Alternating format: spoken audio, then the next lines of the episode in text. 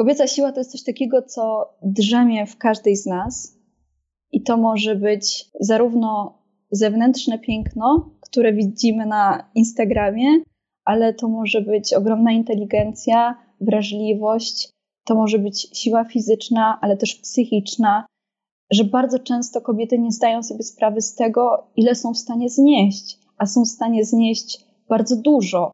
I to nie chodzi o znoszenie cierpienia całe życie i że są w stanie nosić na sobie jakiś ogromny ciężar, ale mogą też pokazywać światu swoje poczucie humoru, lekkość, dzielić się tym z innymi. Po prostu możemy wzajemnie od siebie bardzo wiele czerpać, tylko musimy pozwolić sobie na to, żeby to wyzwolić. A to wcale nie jest takie łatwe.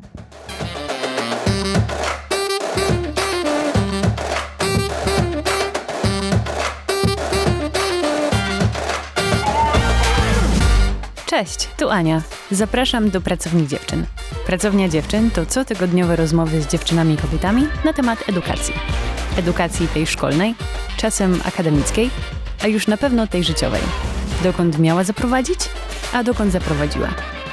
O wyborach, o porażkach, o pracy kobiet, z kobietami i nad sobą.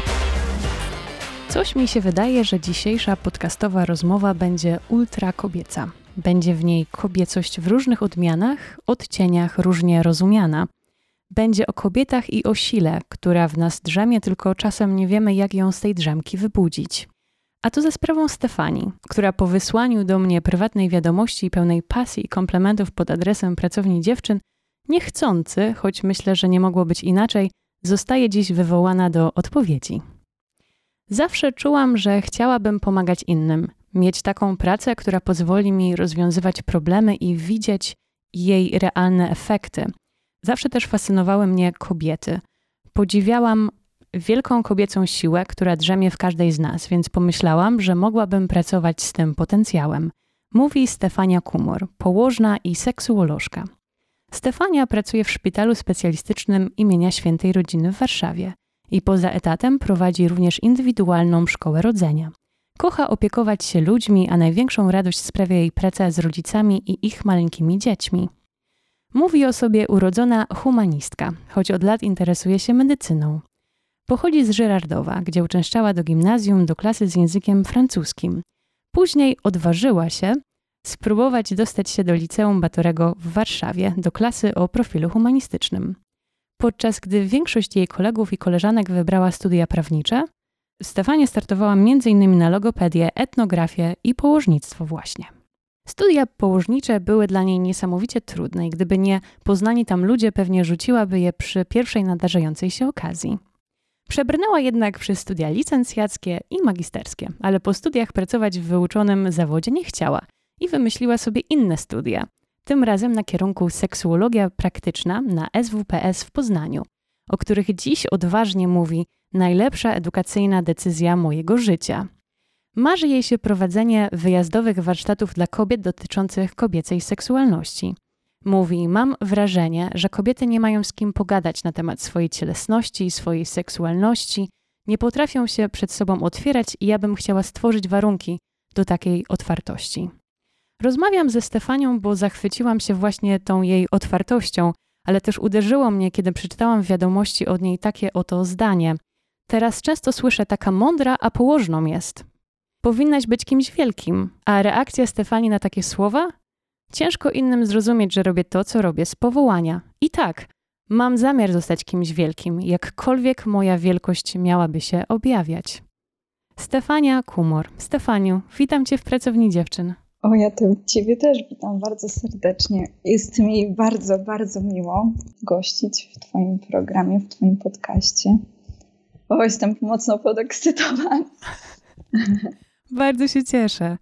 Ja w ogóle strasznie się cieszę, że ten podcast nas połączył i też trochę ten Instagram. To jest świetne, że właśnie tak można teraz bezpośrednio z kimś się, z kogoś poznać w zasadzie. Bardzo to lubię. To prawda, ja też. Internet ma dużo bardzo ciemnych stron, ale ma też swoje jasne oblicze i nieraz się już o tym przekonałam, to jest bardzo miłe.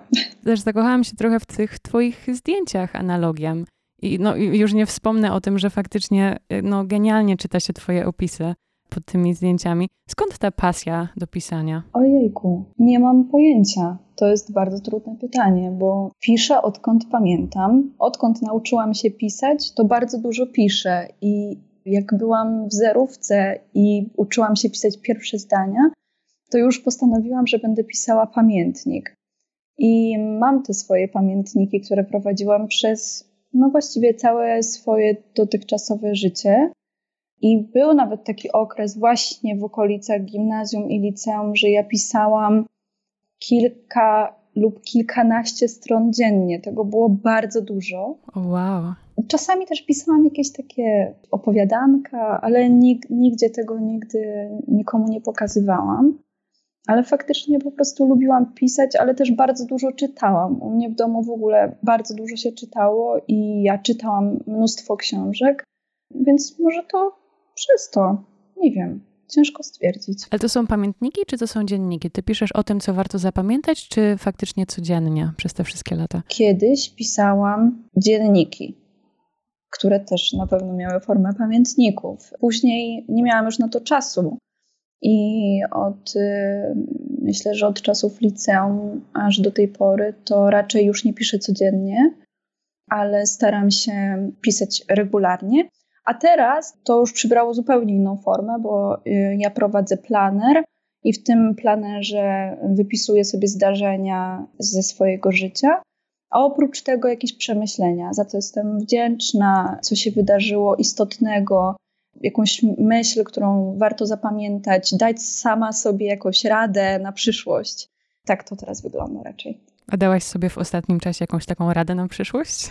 Ostatnio przeglądałam swój planer i tam była taka znamienna dla mnie myśl. Napisałam: Stefa, nie bierz na siebie tyle, ile brałaś w ostatnim czasie, bo to źle wpływa na Twoje życie.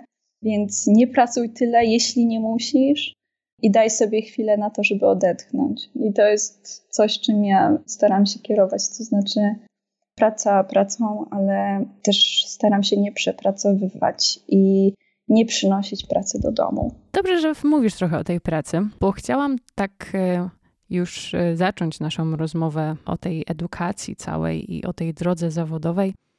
Od tego zmartwienia w zasadzie, które wyraziłaś w jednej z wiadomości do mnie, mianowicie o takim zmartwieniu, że ludzie rzadko wiedzą, kim w ogóle jest położna. To prawda. I właśnie najczęściej słyszysz, że to taka, cytuję, pielęgniarka tylko od porodów. Tak. To, to jak to jest z tą położną, a jak nie jest? Kim, kim jest położna? Położna, owszem, zajmuje się porodami, przyjmuje porody fizjologiczne. I to jest prawda. Tylko, że taka książkowo-internetowa definicja położnej to jest taka kobieta, która zajmuje się innymi kobietami przez całe życie, czyli od narodzin aż do śmierci. Czyli właściwie możemy zajmować się wieloma rzeczami, bo możemy zajmować się małymi dziewczynkami, możemy mm, zajmować się noworodkami przez pierwszy miesiąc życia. To wtedy są i dziewczynki, i chłopcy. Po miesiącu chłopcami już się nie zajmujemy. Zajmujemy się edukacją seksualną, taką y, edukacją okołokoncepcyjną, jak ktoś wchodzi w ten okres, kiedy potencjalnie mógłby mieć dziecko. Zajmujemy się też y, oczywiście przyjmowaniem porodów i pracą w szpitalu, ale też y, położne pracują na oddziale neonatologii, czyli zajmują się noworodkami, na oddziale ginekologii gdzie zajmują się kobietami z problemami ginekologicznymi i często są to osoby starsze. Pracujemy też w przychodniach, zajmujemy się laktacją, pracujemy jako doradczynie laktacyjne, prowadzimy e, szkoły rodzenia. No naprawdę w wielu miejscach można spotkać położne i one tak zajmują się kobietami dosyć kompleksowo. Nie jesteśmy lekarzami, nie leczymy, ale opiekujemy się nimi. Ja bardzo byłam ciekawa Twojej definicji. Ostatnio E, moi znajomi zostali rodzicami, nie pamiętam. To oczywiście jest tylko jeden przypadek, to jest tylko jedna para. Natomiast e, właśnie powiedzieli, że spotkali się tam z różnymi opiniami e, ze strony lekarza i ze strony położnej na to, chyba właśnie na temat, kiedy karmić dziecko. I ta mama powiedziała, że ona bardziej to tej położnej ufa, bo ona chyba to bardziej ma taki kontakt z mamami i z dziećmi na co dzień niż temu lekarzowi. No ale to jest, no, to jest jeden przypadek. Tak, ja się z tym zgadzam w stu procentach. Oczywiście szanuję pracę lekarzy i znam fantastycznych lekarzy. Też nie chciałabym, żeby to jakoś tak zabrzmiało, jakbym ja chodziła w ich kompetencje i podważała ich wiedzę, tylko po prostu położne znacznie bardziej interesują się laktacją i znacznie częściej niż lekarze edukują się w tym kierunku i zostają doradczyniami czy konsultantkami laktacyjnymi znacznie częściej niż lekarze. Oczywiście część lekarzy, częściej są to neonatolodzy, a nie ginekolodzy czy położnicy. Oni chodzą czasami na takie kursy, kończą je i wtedy coś wiedzą na ten temat, no ale jednak prawda jest taka, że jak się pracuje na oddziale, a ja pracuję właśnie na oddziale położniczym, czyli przychodzi do mnie kobieta ze swoim dzieckiem dwie godziny po porodzie i ja się nią zajmuję aż do tego momentu, kiedy ona wyjdzie ze szpitala, nią i jej dzieckiem. No to jakby to ja jestem przy tej kobiecie i przy jej dziecku i ja widzę, jakie ona ma problemy laktacyjne i próbuję je rozwiązać. No i faktycznie lekarze troszkę mniej wiedzą na ten temat. A skąd się u Ciebie wzięło to zainteresowanie położnictwem? Tak właśnie specyficznie bardzo, bo wspomniałyśmy troszeczkę o tym Twoim ogólnym zainteresowaniu medycyną, ale położnictwo, odbieranie, pomaganie kobietom, młodym mamom i, i się przygotowanie do tego porodu i, i odebranie dziecka i pomoc przy nim i, i przy mamie. Mhm. Dlaczego tak? Jak ja byłam w liceum, to zastanawiałam się, co chcę robić w życiu a wtedy bardzo dużo podróżowałam. Uwielbiałam kontakt z kobietami. Bardzo lubiłam dzieci i bardzo lubiłam podróżować. I to wszystko złożyło się na taką myśl, która przemknęła mi przez głowę, że mogłabym pójść na studia położnicze, które umożliwiłyby mi pracę na całym świecie, bo kończąc te studia ma się prawo wykonywania zawodu, które jest właściwie akceptowane w każdym kraju na świecie. Czy nie musisz tak jak lekarz zrobić testów, które są jakby ekwiwalentem zagranicznych jakichś egzaminów? Raczej nie, nie. Nie wiem, czy są jakieś kraje, gdzie trzeba to robić. Raczej po prostu jest się położną, daje się dyplom i można pracować. Pod warunkiem oczywiście, że no w niektórych e, krajach Y, wymagana jest y, znajomość języka. To wiadomo. I to jest przeważnie największa przeszkoda. Ale też myślałam sobie, będąc w liceum, że ja na pewno wyjadę na jakieś misje gdzieś do Afryki, do Ameryki Południowej albo do Azji, że położne są potrzebne wszędzie, że dzieci rodzą się wszędzie. A mnie to jakoś zawsze tak fascynowało, ten w cudzysłowie cud narodzin. Osoba, która się tym nie zajmuje, nie ma dostępu do tego świata, a ten świat jest fascynujący. I ja po prostu chciałam to sprawdzić. Akceptuję taką odpowiedź, zaliczam. Liceum Batorego. Śmiać mi się trochę chciało, gdy przeczytałam wiadomości od ciebie, że zakochałaś się w tej szkole po dniu otwartym, jak zobaczyłaś, że na gazonie przed szkołą rosną stokrotki, w szkole wszędzie jest skrzypiący parkiet i korytarze pełne słońca, przy furtce wejściowej jest, to znaczy był niestety, taki stary kamienny schodek wyżłobiony przez stopy Baczyńskiego, Agnieszki Holland, Witolda Lutosławskiego, e, trzy kropki, no i moje. Tak. I śmiać, śmiać mi się chciało. Po pierwsze, bo nie znałam wcześniej słowa gazon i już się czegoś nauczyłam. Le gazon z francuskiego, czyli właśnie ten trawnik czy murawa przed e, wjazdem do dworu. Tak. Powiedzmy, tak. Um, dobra, to się zgadzamy. A druga rzecz, to w ogóle zaczęłam się śmiać, ponieważ ja wybrałam liceum po tym, jak zauroczyłam się starym budynkiem mojego poznańskiego liceum. Mhm.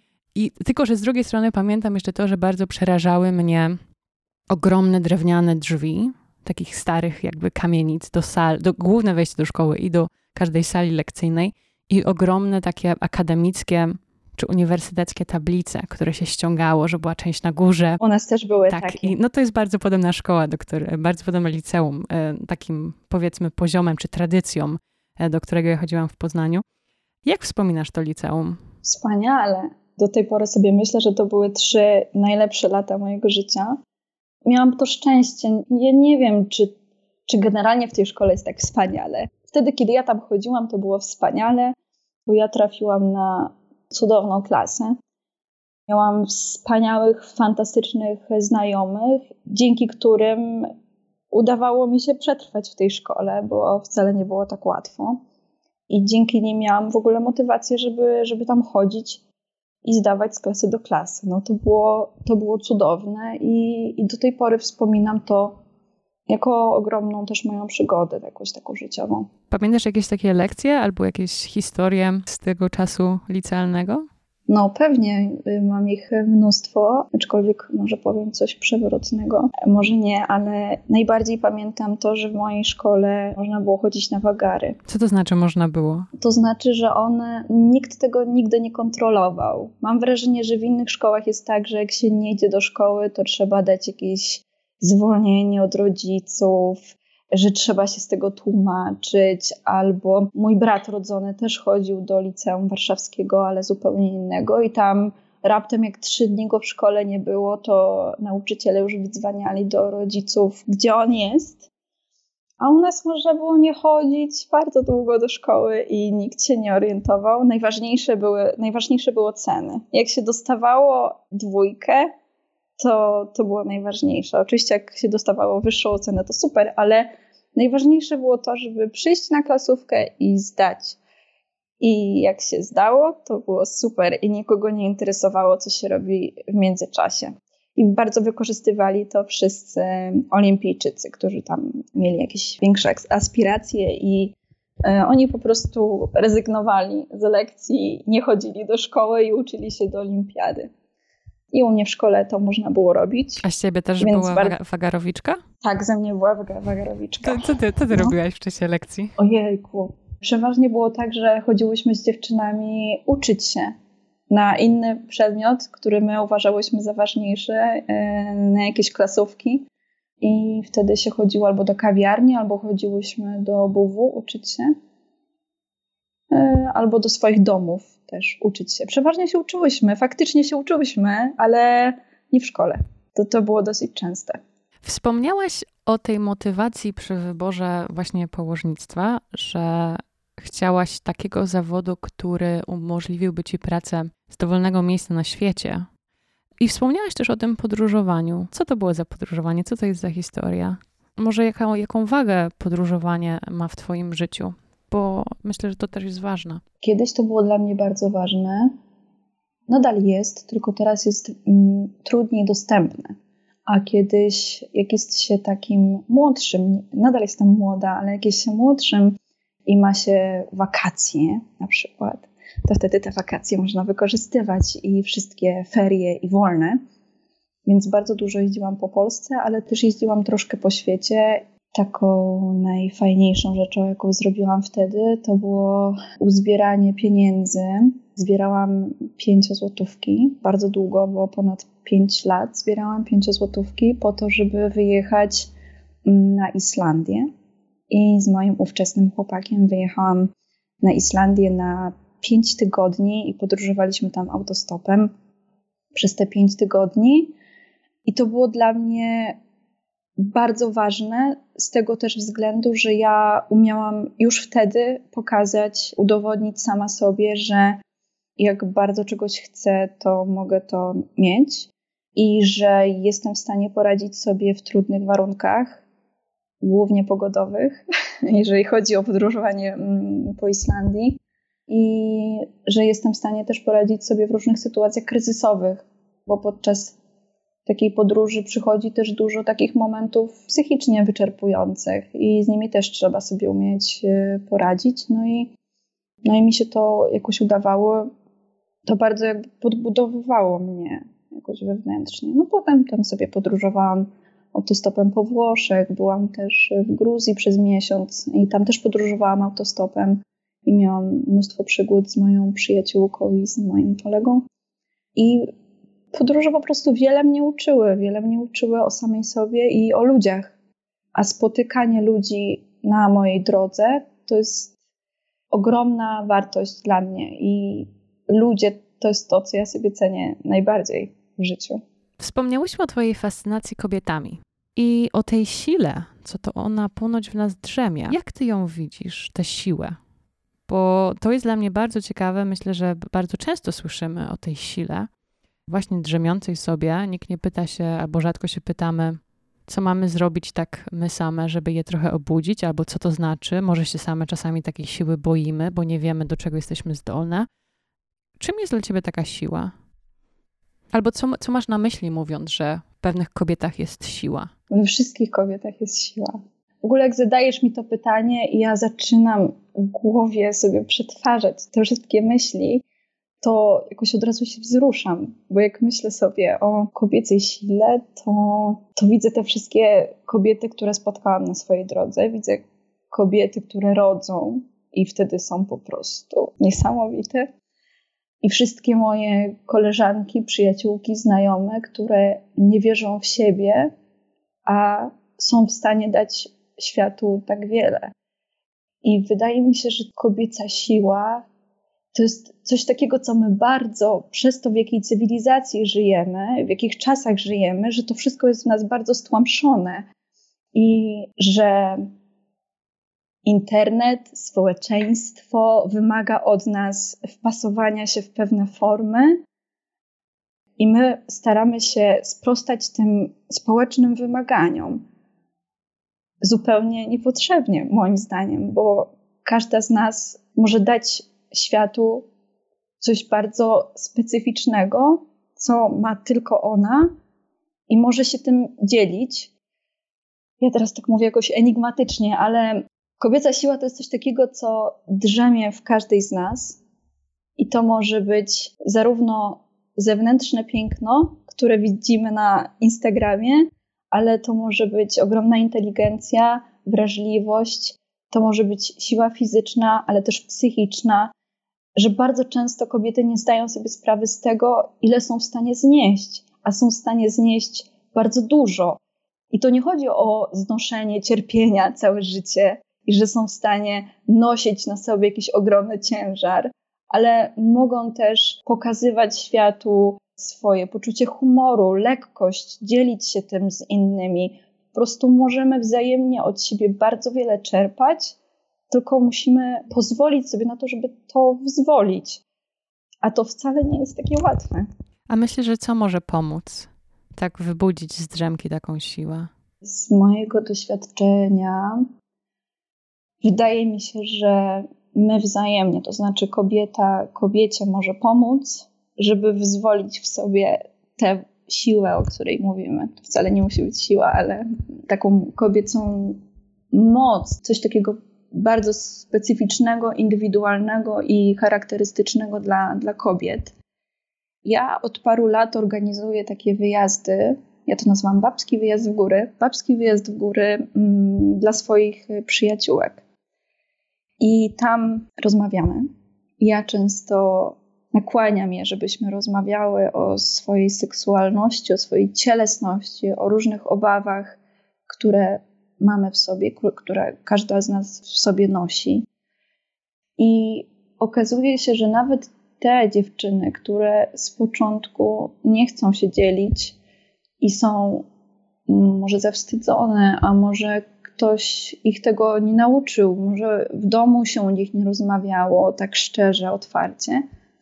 Widać, że one tak powolutku, powolutku pękają i zaczynają się otwierać zaczynają coraz więcej mówić i okazuje się, że mają wiele do powiedzenia, że mają bardzo ciekawe przemyślenia i że mają przede wszystkim potrzebę mówienia o tym.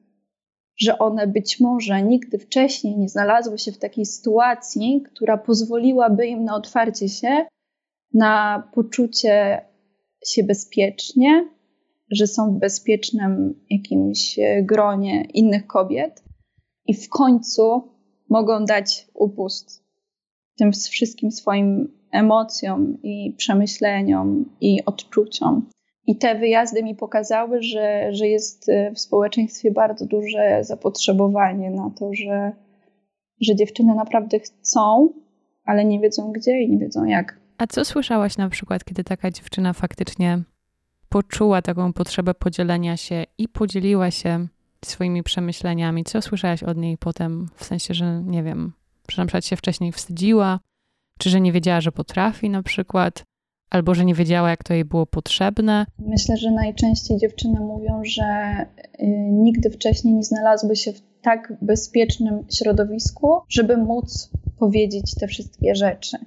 I że w końcu czują, że tutaj możemy sobie zaufać i że to jest tak niesamowite, że to jest po prostu wzruszające, że dziewczyny nigdy nikt nas tego nie uczył. Raczej, jeżeli nie mamy tego z domu, jeżeli nie wynieśliśmy z tego z domu, no to nigdzie w szkole w Polsce, na żadnym etapie edukacji, raczej nikt nas nie będzie nakłaniał do otwartości tego typu, żeby rozmawiać o swoim ciele, o kompleksach, w relacjach e, ze swoimi rodzicami, e, z rówieśnikami.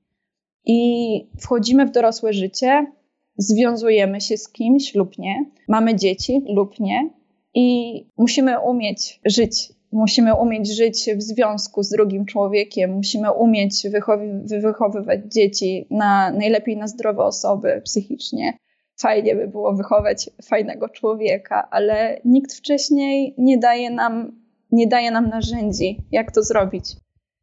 I jeżeli same sobie nie stworzymy takiego bezpiecznego środowiska, no to nie ma co liczyć na to, że ktoś nas tego nauczy. A jak to było u ciebie, u ciebie w domu faktycznie, na przykład z rozmowami o, nawet nie stricte też, ale może nie, nie tylko i wyłącznie o powiedzmy czymś, co wrzuciłybyśmy do tego um, terminu edukacja seksualna, natomiast też może, nie wiem, rozmowy o kompleksach, rozmowy o tym, o kobiecości, rozmowy o o wątpieniu w siebie na przykład, o różnych po prostu emocjach, uczuciach i, i, i tym dorastaniu?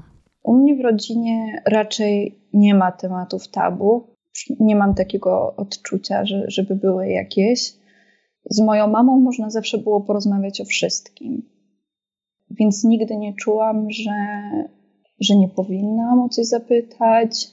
I zawsze usłyszałam w odpowiedzi y, bardzo jakąś konkretną wypowiedź, jakąś y, konkretną radę. Często jakoś słyszę na przykład, że dziewczyny są zaskoczone, jak dostają pierwszą miesiączkę. Nie wiem, jakby przygotowana byłam na to i u mnie y, w domu celebrowało się pierwszą miesiączkę. Było super. Jak, jak dostałam pierwszy raz okres, to moja mama powiedziała, że E, świetnie, w takim razie możesz siedzieć cały dzień na kanapie, ja ci dam tutaj termofor, kocyk i możesz sobie oglądać mojego brata niedźwiedzia ile chcesz. No i tak było faktycznie. I cieszyła się razem ze mną. Dużo o tym rozmawiałyśmy. Też yy, nagość nigdy nie była jakaś taka wstydliwa. Wręcz przeciwnie. Na przykład mam takie wspomnienie, że jak e, byliśmy młodsi, jeździliśmy całą rodziną na Mazury co roku na wakacje, to jak się robiło tak troszkę ciemniej, to mama z tatą mówili: chodźcie, to pójdziemy sobie teraz popływać na golasa w jeziorze. Ja mówiłam, co na golasa? Przecież, przecież ja się nie rozbiorę. A mama, dawaj, ściągaj te ubrania. I skakaliśmy wszyscy na golasa z pomostu do jeziora i pływaliśmy.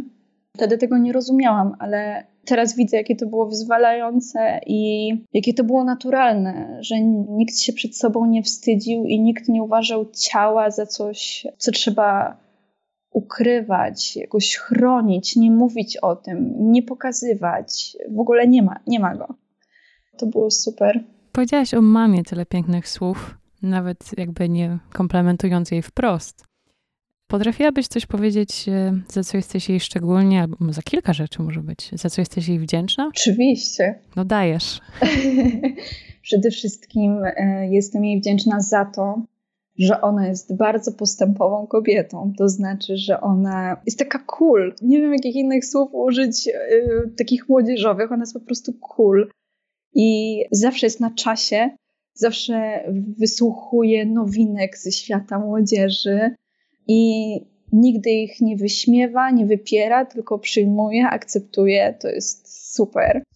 Przede wszystkim cenię ją też za ogromną mądrość, bo jest niesamowicie inteligentną kobietą, ale oprócz tego, że jest inteligentna, to jest właśnie po prostu mądra. Oprócz tego, że jest oczytana, to posiada swoją ogromną mądrość. I jestem też jej wdzięczna, że odkąd pamiętam, to myślę, że nieświadomie ona zaszczepiła we mnie przekonanie, że poród naturalny jest czymś wspaniałym i ważnym w życiu każdej kobiety. Myślę, że ona do tej pory nie zdaje sobie z tego sprawy, ale jak byłam młodsza i sobie rozmawiałyśmy o jej porodach, najpierw urodził się mój brat i z różnych względów mama miała wykonane cesarskie cięcie a bardzo chciała urodzić naturalnie. I potem, jak zeszła w ciąży ze mną, to przez cały czas tylko marzyła o tym, żeby udało jej się urodzić naturalnie, udało jej się urodzić naturalnie i tak sobie to chyba afirmowała, bo faktycznie urodziła mnie naturalnie i powiedziała, że to było no, jedno z najpiękniejszych doświadczeń jej życia i że ten poród był po prostu cudowny. No i może jak ona mi tak od dziecka mówiła, to ja jakoś sobie to y, zakodowałam, że ten poród naturalny jest naprawdę taki cudowny. No i teraz tak właśnie mam to, co mam. Jaka była twojej mamy reakcja na to położnictwo? O Jezu, była załamana. Totalnie. Jak to? Stefania, dlaczego mama była załamana? Bo y, moja mama widziała mnie jako prawniczkę albo, nie wiem, dziennikarkę no a jak już na medycynę iść, no to przecież gdzie? No na Wydział Lekarski, prawda? No gdzie? Na położną? Proszę. Nie, nie, nie. Moja mama była w ciężkim szoku i była bardzo z tego powodu chyba niezadowolona, że wybrałam taki kierunek. Powiedziała, że zmarnuję sobie życie i że e, będę mało zarabiała. A teraz się pogodziła, myślisz? Już jej lepiej z tym, co córka robi? Tak, y, lepiej. Nie, no to jest śmieszne. O mojej mamie to by można było gadać godzinami. Myślę, że jest jej lepiej i że akceptuje, aczkolwiek czasami zastanawiam się, czy mimo tego, że ja już jestem parę lat po studiach, to ona nadal nie do końca wie, co ja robię. I też ma chyba w sobie takie silne przekonanie, że jestem, jestem taką jakby pielęgniarką. Znaczy nie ujmując nic pielęgniarką, tylko że jakby ja, moje zadanie jest troszkę inne. I tak, na przykład jak opowiadam jej, że bardzo interesuje mnie, interesują mnie problemy laktacyjne i że kobiety mają tyle problemów laktacyjnych i że nie potrafią karmić, że to je psychicznie przerasta, że trzeba je mocno wzmacniać, głównie psychicznie, a troszkę technicznie, to moja mama tylko kręci głową i mówi: Co ty robisz ze swoim życiem? Przecież no, dziecko się rodzi, przystawiasz je do piersi, karmisz i po problemie. Wiem, mamo, no nie wiem. No, to szczęśliwie, przecież... że twoja mama problemów No miała. bardzo. Też jak e, jeszcze byłam na studiach i uczyłam się, to uczyłam się o różnych na przykład dolegliwościach, które mają kobiety w ciąży. I opowiadałam o tym mamie. Mama mówi, co ty mi opowiadasz? Przecież ja w ciąży czułam się znacznie lepiej niż bez ciąży. Po prostu miałam wtedy tyle energii, ile nigdy w całym swoim życiu. Co ty mi opowiadasz? Z gaga? Nie wiem, co to. I tego typu historie. A były jeszcze jakieś, czy są nadal oczywiście, inne kobiety w Twoim życiu, które postrzegasz jako takie Twoje mentorki, które Cię w jakiś tam sposób ukształtowały albo nadal kształtują i nadal się od nich czegoś uczysz? Taką osobą, która najbardziej wpłynęła na to, kim jestem i jaka jestem, była ciocia mojej mamy, siostra mojego dziadka. Taka bardzo y, ciekawa postać u mnie w rodzinie jak ja byłam dzieckiem, to mi się ona już wydawała stara. I potem, jak już byłam troszkę starsza, e, pod koniec podstawówki i na początku gimnazjum, to spędzałam u niej ferie zimowe i wakacje. Ona mieszkała w Olsztynie. I jak na tamte czasy była bardzo awangardowa i postępowa. Nigdy nie chciała mieć nikogo, żyła sobie sama, bo to jej dawało ogromną wolność. Jeździła na rowerze, biegała, jeździła na spływy kajakowe, chodziła po górach, jeździła na biegówkach i zawsze jak e, ją odwiedzałam, to ona tego wszystkiego mnie uczyła. I czasami to było absolutnie szalone, bo nad Olsztynem jakieś burze, burzowe chmury się zbierały, a ona mówiła, chodź popływamy w jeziorze. A ja mówiłam, nie, ja się, ja się boję. A ona mówiła, chodź, nie bój się. No i szłyśmy nad jezioro i pływałyśmy i to było bardzo nieodpowiedzialne, ale faktycznie robiłyśmy dużo takich rzeczy. Myślę, że nigdy by mnie tego nie nauczył, gdyby nie to, że ona mnie tego nauczyła, bo pierwszy raz z nią byłam na spływie kajakowym i pierwszy raz z nią jeździłam na biegówkach i dla niej krótki pośniadaniowy spacer przedobiedni trwał 5,5 godziny i to był standard w jakichś zaspach śnieżnych po szyję. I myślę, że to jest taka kobieta, która bardzo mnie ukształtowała, pokazała, że można żyć po swojemu. Chyba nauczyła mnie takiej odwagi. W ogóle niewielu rzeczy w życiu się boję i może to też dzięki niej. Myślę, że tak. Bardzo była dla mnie ważną osobą. Jest, jeszcze żyje. Chciałabym wrócić na chwilę do tematu Twoich studiów, bo jak napisałaś tu mnie wiadomość właśnie o tym, że najpierw licencjat z położnictwa i praktycznie mogłaś wykonywać zawód, ale no nie chciałaś. Po czym wymyśliłaś sobie, że magisterkę, że będziesz kontynuowała studia e, położnicze i później też, no, praktycznie, teoretycznie mogłaś zacząć pracę w szpitalu, ale jednak coś e, zmieniłaś zdanie i znalazłaś sobie właśnie te studia na kierunku seksuologii praktycznej. Się wzbraniałaś trochę albo uciekałaś od tego szpitala, czy czułaś, że jeszcze nie jest czas w ogóle na pracę? Uciekałam. Uciekałam od szpitala, bo studia położnicze są bardzo trudne i one są nie tylko trudne ze względów naukowych, ale przede wszystkim dlatego, że przez cały czas, kiedy się studiuje, mamy bardzo dużo praktyk. I poszłam na studia dzienne, bo wydawało mi się, że to jest fajnie. No, dużo ludzi starszych mówiło mi, że lata studiów, lata studiowania to są najlepsze lata ich życia, bo wtedy ma się trzymiesięczne wakacje i można robić wszystko, co się chce.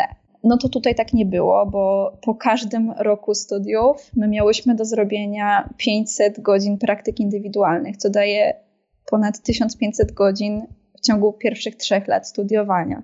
Więc nie dość, że miałyśmy praktyki uniwersyteckie, które trwały w czasie roku akademickiego, to później jeszcze ponad dwa miesiące spędzało się w szpitalu na takich regularnych dyżurach 12-godzinnych od rana do nocy i na dyżurach nocnych. I te praktyki nie należały do najprzyjemniejszych, niestety. Część z nich wspominam dobrze, ale część bardzo źle, bo położne, które się spotyka na swojej ścieżce, działają bardzo tak dołująco i bardzo zniechęcają do wykonywania tego zawodu. Mówią, co ty robisz ze swoim życiem? Uciekaj, nie, nie rób sobie tego. I właśnie tutaj też między innymi bardzo często spotykałam się z, z, takim, z takim zdaniem, co ty skończyłaś taką szkołę i będziesz położną, tylko położną, co jest bardzo przykre, bo to znaczy, że one o sobie mają takie zdanie, to znaczy, że one myślą, że są tylko położnymi i że nie mogą nic zrobić dobrego i że nie wierzą w swoje możliwości i nie wierzą w swoje kompetencje. A położna to jest zawód wolny pracuje się niezależnie. Można mieć swoje zdanie, można się edukować, e, można być na bieżąco, nikt tego nie zabrania, ale te lata studiowania to nie, nie, nie były takie e, super. Były raczej mocno dołujące i podcinające skrzydła, tak bym powiedziała. Więc chciałam uniknąć szpitala najdłużej jak się da. No to potem mamy wie, wielki kontrast, no bo seksuologia na SWPS i tutaj najlepsza edukacyjna decyzja życia. Proszę opowiedz mi, dlaczego tak uważasz? No w końcu ktoś mnie traktował poważnie. Na, na Warszawskim Uniwersytecie Medycznym w administracji jest bałagan ciężko było studiować. Nie miałyśmy rano zajęcia 3 godziny, potem 4 czy 5 godzin okienka i potem zajęcia do 21.30 a ja nie byłam z Warszawy, nie mieszkałam tutaj, więc y, takie 5 godzin okienka to nigdy nie wiadomo było, co zrobić z czasem. Miałam wrażenie, że marnuję swoje życie. Chodziłam do kina na poranki dla seniorów i jakoś starałam się to przetrwać. No, a potem y, poszłam na SWPS i po prostu inny świat. Dostawałam maile, że mnie zapraszają na zajęcia i że dziękują mi za zajęcia i że podeślą mi materiały i tak dalej, i tak dalej. Ludzie, których tam spotkałam, którzy naprawdę chcieli uczyć się tego, czego razem postanowiliśmy się uczyć i bardzo zaangażowani wykładowcy, którzy prowadzili e, niesamowicie ciekawe zajęcia, poszerzające horyzonty, otwierające głowę. Cudowne, cudowne były te studia. Czy ze swoim doświadczeniem, czy ze swojego doświadczenia czy ze studiów, byłabyś w stanie polecić jakieś wartościowe źródła dla dziewczyn, właśnie a propos rozwijania czy pogłębiania wiedzy o kobiecości, cielesności, coś może o seksualności również, takie rzetelne źródło, którym mogą się wesprzeć.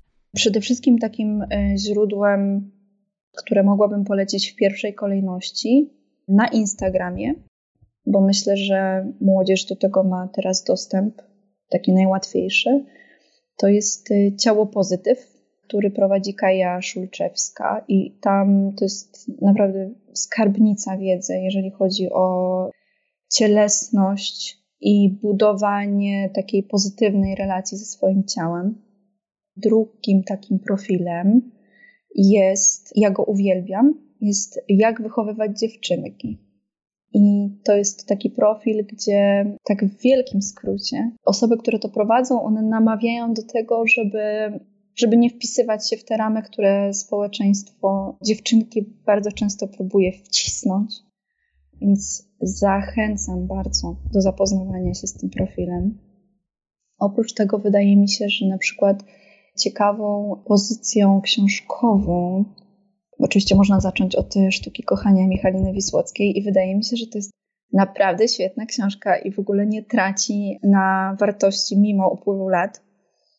I teraz też wyszły takie książki, jakby kontynuacja trochę, albo tak jakby rozszerzenie serii. Tam jest e, instrukcja obsługi penisa.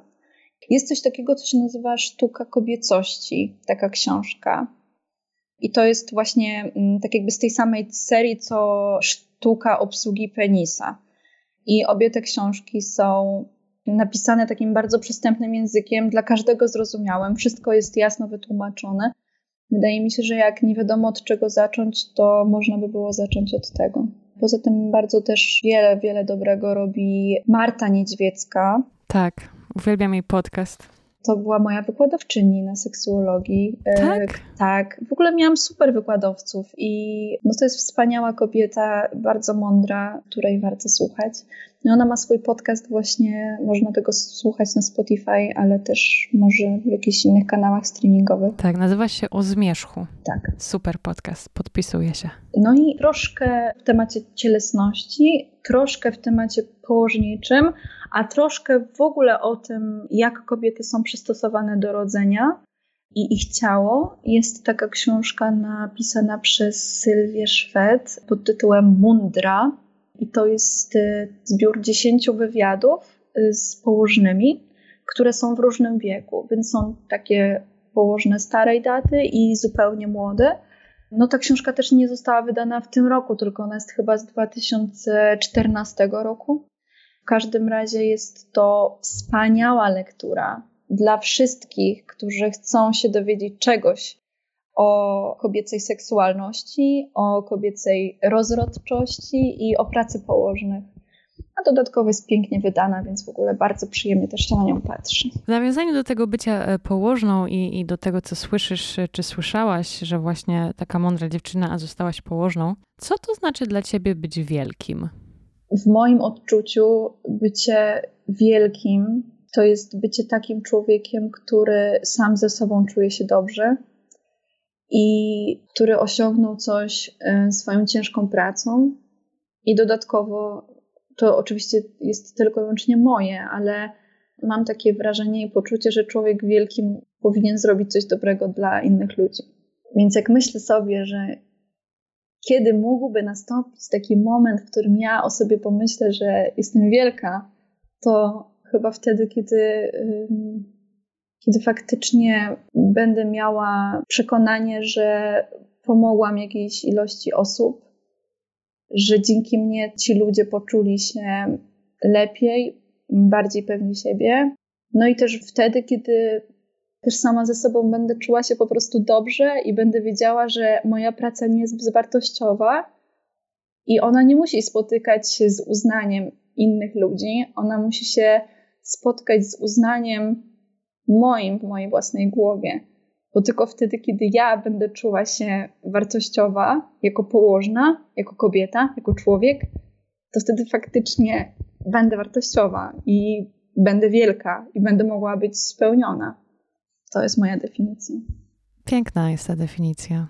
Ale tak powiedziałaś właśnie, że to będzie za kilka lat, na przykład za jakiś czas powiesz sobie tak, że właśnie jesteś wielka. Powiedziałabyś już sobie młodszej Stefanii, która nie wiedziała, co chce robić w życiu, nie wiedziała, co chce studiować, miotała się trochę, e, musiałaś liczyć właśnie z różnymi opiniami różnych, albo się nie liczyć, ale musiała je wysłuchiwać. Byłabyś w stanie coś powiedzieć sobie takiej młodszej? Tak, powiedziałabym sobie to, co ja też usłyszałam od wspaniałej położnej, dzięki której w ogóle wytrwałam na tych studiach, że to jest właśnie nieważne, co mówią ci inni, tylko jeżeli masz w sobie jakieś pokłady wrażliwości, jesteś człowiekiem empatycznym i masz w sobie wielkie pragnienie robienia tego, co właśnie robisz, to po prostu rób to, bo tylko ta autentyczność pozwoli mi na to, żeby robić to dobrze i żeby inni ludzie mi zaufali. No i ja to kiedyś usłyszałam i myślę, że w momentach zwątpienia sobie młodszej mogłabym to powtarzać za każdym razem, ale sobie teraz też mogę to powtarzać za każdym razem, że, że moja praca jest ważna i że potrzeba takich ludzi.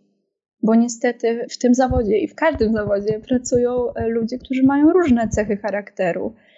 Więc tym bardziej jest potrzeba, żeby wśród położnych czy seksuolożek były osoby głęboko empatyczne, które e, nikogo nie oceniają, nikogo nie wykluczają, mają otwarte głowy i akceptują różne życiowe postawy i różne życiowe wybory innych ludzi, nie oceniając ich. I ja mam o sobie dobre zdanie i myślę, że właśnie jestem takim, jestem taką osobą bardzo, bardzo empatyczną i wrażliwą i, i myślę, że kobiety, których spotykam na swojej drodze bardzo to doceniają i widzą to i potrzebują takich osób. Dlatego robię to, co robię i nie zniechęcam się. Tak trzymać. Hm. Chciałabyś dorzucić jakąś cegiełkę do naszego kanonu lektur pracowni? Coś, co cię wzruszyło, co przeczytałaś albo obejrzałaś, jakiś film, serial, coś, co cię e, właśnie ukształtowało może w jakiś sposób, albo po prostu jest warte zobaczenia, przeczytania? Oprócz tej książki, już którą wcześniej wymieniłam, Mundra, to e, ja zawsze wszystkim polecam książkę pod tytułem Pastwiska Niebieskie. To jest e, przepiękna smutna książka, ale myślę, że jedna z ważniejszych w moim życiu, więc zachęcam do przeczytania. A jeśli chodzi o takie filmy na czasie, to widziałam ostatnio dwa filmy y, na Netflixie, więc są łatwo dostępne. I jeden z nich to był ten mm, taki statement Davida Attenborough, y, Życie na Ziemi. To myślę, że każdy powinien to zobaczyć, bo to było bardzo wzruszające smutne, ale też dające nadzieję. A oprócz tego niesamowity film, który widziałam ostatnio, czego nauczyła mnie ośmiornica. I on też jest dostępny na Netflixie. Jest po prostu przepiękny. Ja w życiu bym nie pomyślała, że ośmiornice mogą być takie mądre, a to po prostu co za wrażliwe zwierzę. Wspaniałe. I jeszcze jedną rzecz mogę polecić. To nie jest takie wzruszające, ale myślę, że można byłoby się troszkę doedukować. Jest taki serial też na Netflixie, który nazywa się Niemowlęta. I w ogóle ja bardzo lubię dzieci, lubię noworodki, pracuję z nimi, więc też e, obejrzałam to właśnie po to, żeby może trochę czegoś się nowego douczyć. Ale każdy odcinek jest o jakiejś umiejętności noworodków i niemowląt, jak człowiek uczy się różnych rzeczy. I są to najnowsze doniesienia naukowe, więc y, wszystko świeżutkie. O matko, to jest niesamowite. Nawet ludzie, którzy nie lubią dzieci, to myślę, że ten serial może być dla niej w jakiś sposób fascynujący i ciekawy, bo to jest trochę tak jak uczenie się o całej ludzkości, takim od czego się zaczyna. A nauczyłaś się czegoś ostatnio o sobie? Każdego dnia czegoś się o sobie uczę. Dzisiaj na przykład nauczyłam się, że jeszcze nie umiem pokonywać swoich lęków i strachów, bo nigdy nie umiałam przemawiać publicznie, a teraz przecież nie przemawiam publicznie, tylko rozmawiam z tobą, a i tak masakra, tak się stresowałam. Koszmarnie. Ale dobrze wyszło. Wszystko jest okej. Okay. Ja no, bardzo się cieszę, tak, tylko tego się nauczyłam o sobie, że po prostu mimo wielu lat nauki i przezwyciężania własnych lęków, to po prostu nadal to jest we mnie i zawsze się stresowałam i mam wrażenie, że to nadal tak będzie. Ja lubię patrzeć na tremę i na stres jako taką siłę mobilizującą.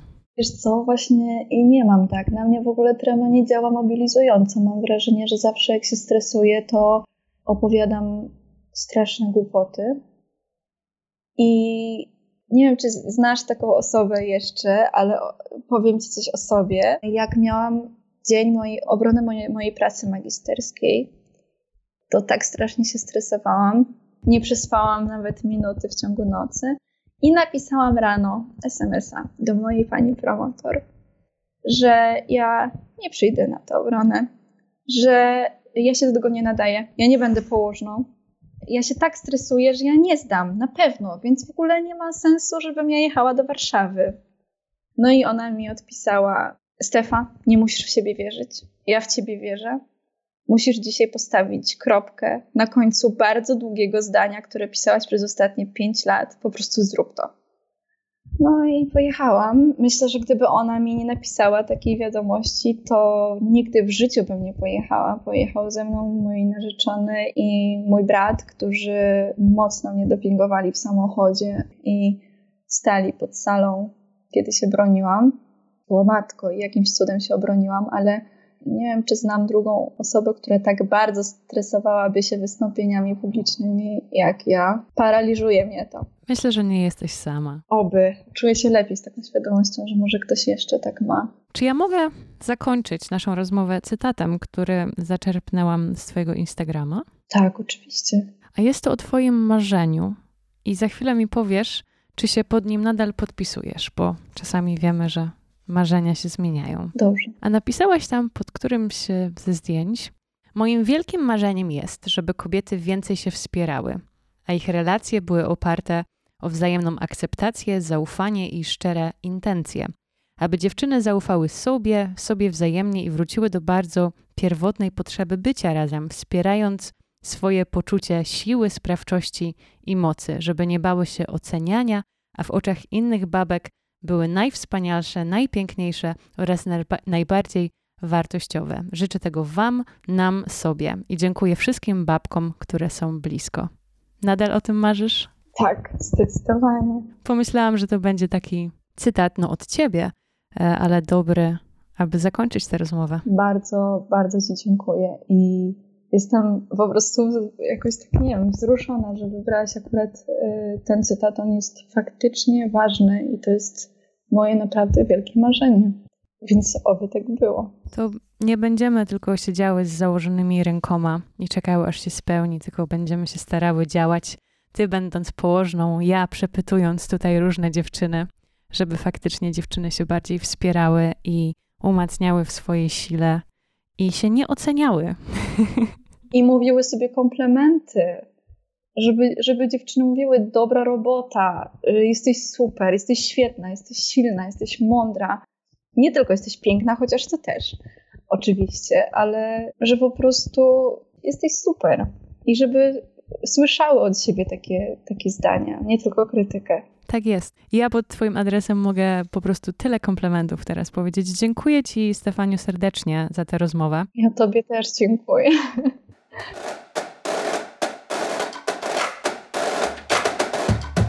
Do Pracowni Dziewczyn możecie wstąpić zawsze przez konto na Instagramie Pracownia Dziewczyn pod pod, czyli podcast w skrócie, a także przez wszystkie platformy podcastowe Spotify, Apple Podcast, Google Podcast i wiele, wiele innych. Z całego serca dziękuję Tobie za wysłuchanie tego odcinka i za bycie ze mną e, z pracownią, w pracowni, w tym sezonie, ze Stefanią, ze wszystkim, co się w nim wydarza. Kolejny odcinek w czwartek. Do usłyszenia.